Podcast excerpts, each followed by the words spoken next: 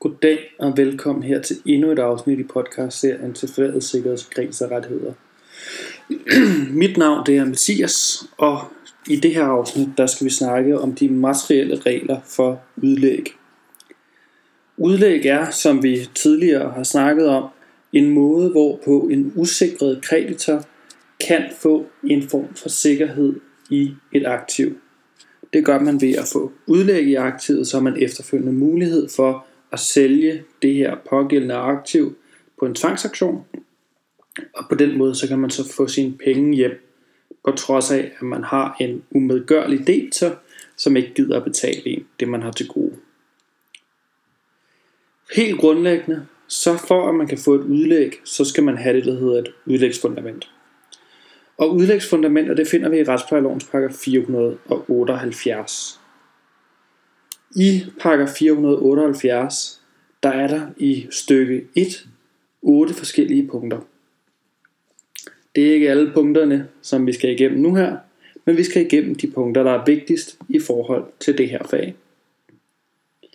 Først og fremmest så er der i det første punkt, eller det som vi vil kalde paragraf 478 stykke 1, nummer 1, mulighed for, at man kan få udlæg, hvis man har en dom eller en kendelse, som kan tvangsudbyrdes. Derudover så er det samme tilfælde, hvis man har et betalingspåkrav med en påtegning, eller en beslutning om nogle sagsomkostninger. Det, der er mest relevant i det her fag, det er domme og kendelser, og så er det betalingspåkravet med påtegning. Hvis man har en af de tre ting, og dommen, kendelsen, den er tilstrækkeligt klar, og den klart vedrører den person, som man gerne vil foretage udlæg hos, så har man et udlægsfundament, så kan man sende det til fodretten, og så kan man få et udlæg. Nede i nummer 2, der er der også mulighed for at få udlæg på baggrund af det, som hedder et indretligt forlig. Altså et forlig, som er indgået i forbindelse med en retssag. Hvis man har sådan et, så kan man også sende det ind til fodretten og på den baggrund bruge det som udlægsfundament. Nummer 4 er det næste punkt, der er relevant for det her fag. Nummer 4 omhandler det, der hedder udenretlige skriftlige forlig. Og det, der er super vigtigt, når vi kigger i nummer 4, det er, at der står udenretlige skriftlige forlig om forfalden gæld. Og så står der derudover, når det udtrykkeligt bestemt for livet, at det kan tjene som grundlag for fuldbyrdelse. Det, der er rigtig, rigtig vigtigt i forhold til lige netop den her bestemmelse, det er det med, at det skal være et udenretligt forlig om forfalden gæld. Det er altså ikke muligt at lave en aftale, som kan tvangsudbyrdes om noget gæld, der endnu ikke er forfalden. I hvert fald ikke op i det her punkt.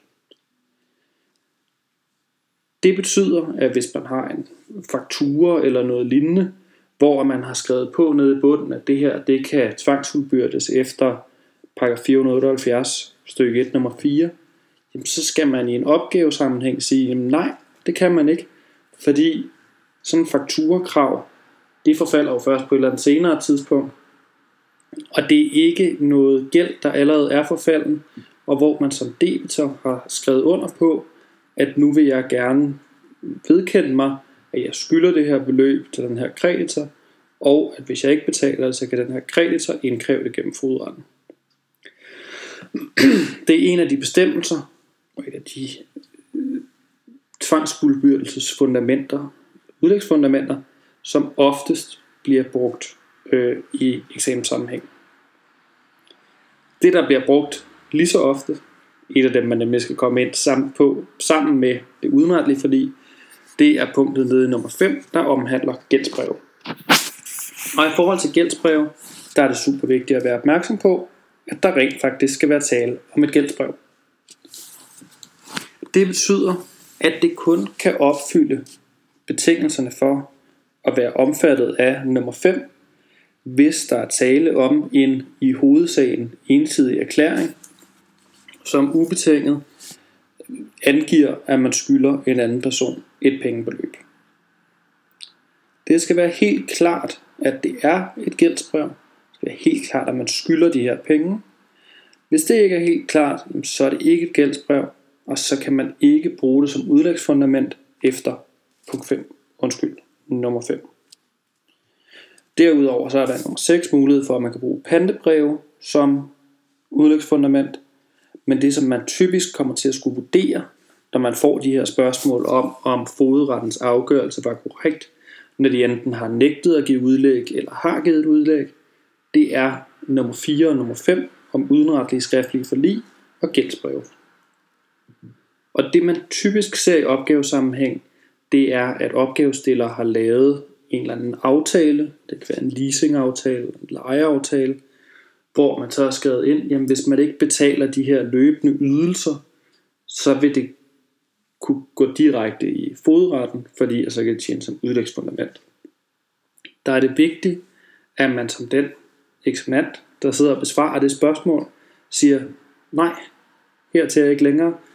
Det er ikke muligt at bruge sådan en aftale som udlægsfundament, dels da der ikke er tale om et udenretligt skriftligt forlig og allerede forfalden gæld, og dels da der ikke er tale om et gældsbrev, fordi at det er et dokument, der ikke er ubetinget, når der samtidig er et lejeelement i det.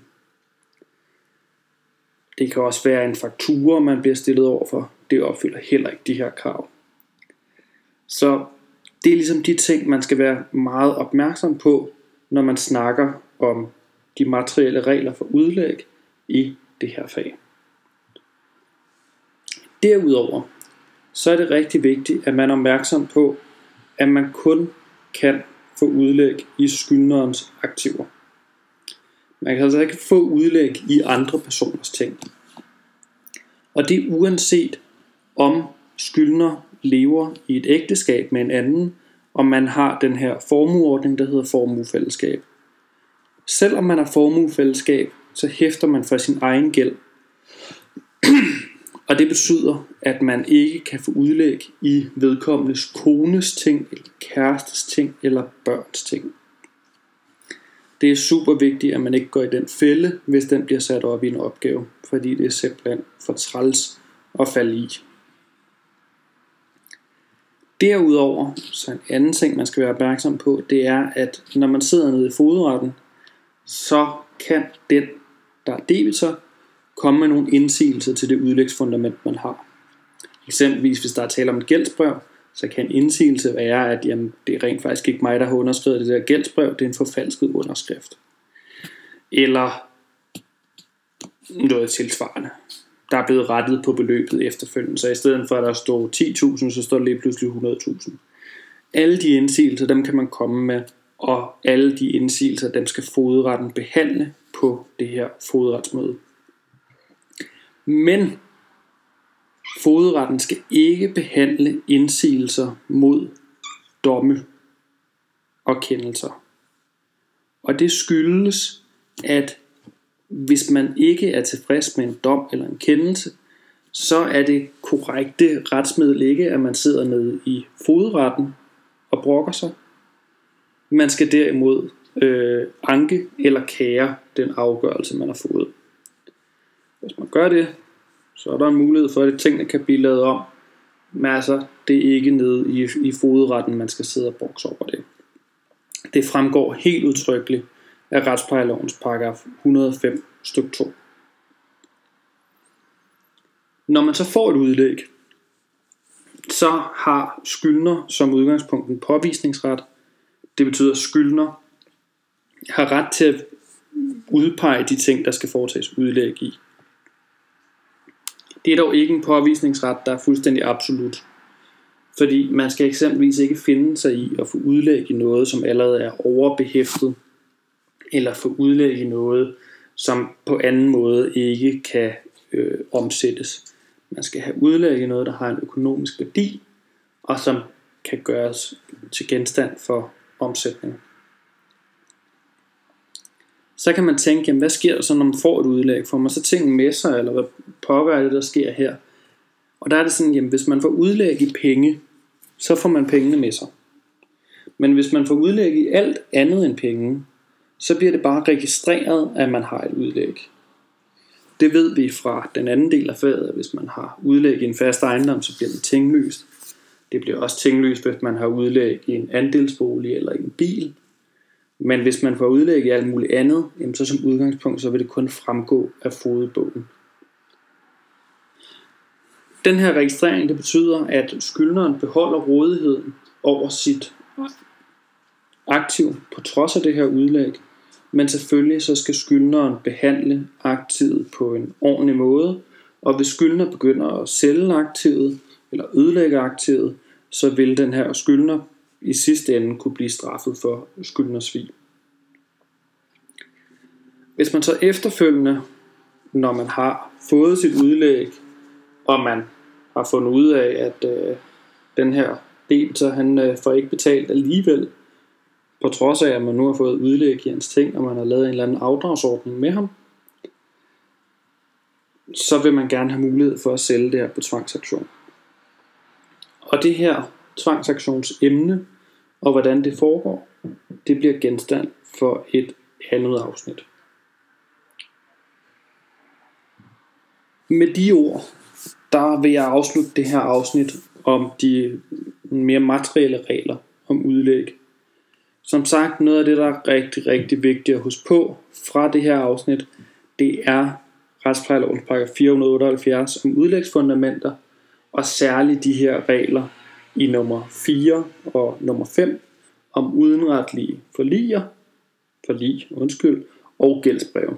Altså det er rigtig vigtigt, at man er opmærksom på, at der rent faktisk skal være tale om et gældsbrev, og hvis det er et udenretligt forlig, at der rent faktisk skal være tale om et udenretligt forlig om allerede forfalden gæld. Med de ord, så vil jeg sige tak for, at I hørte med, og så høres vi ved igen i det næste afsnit.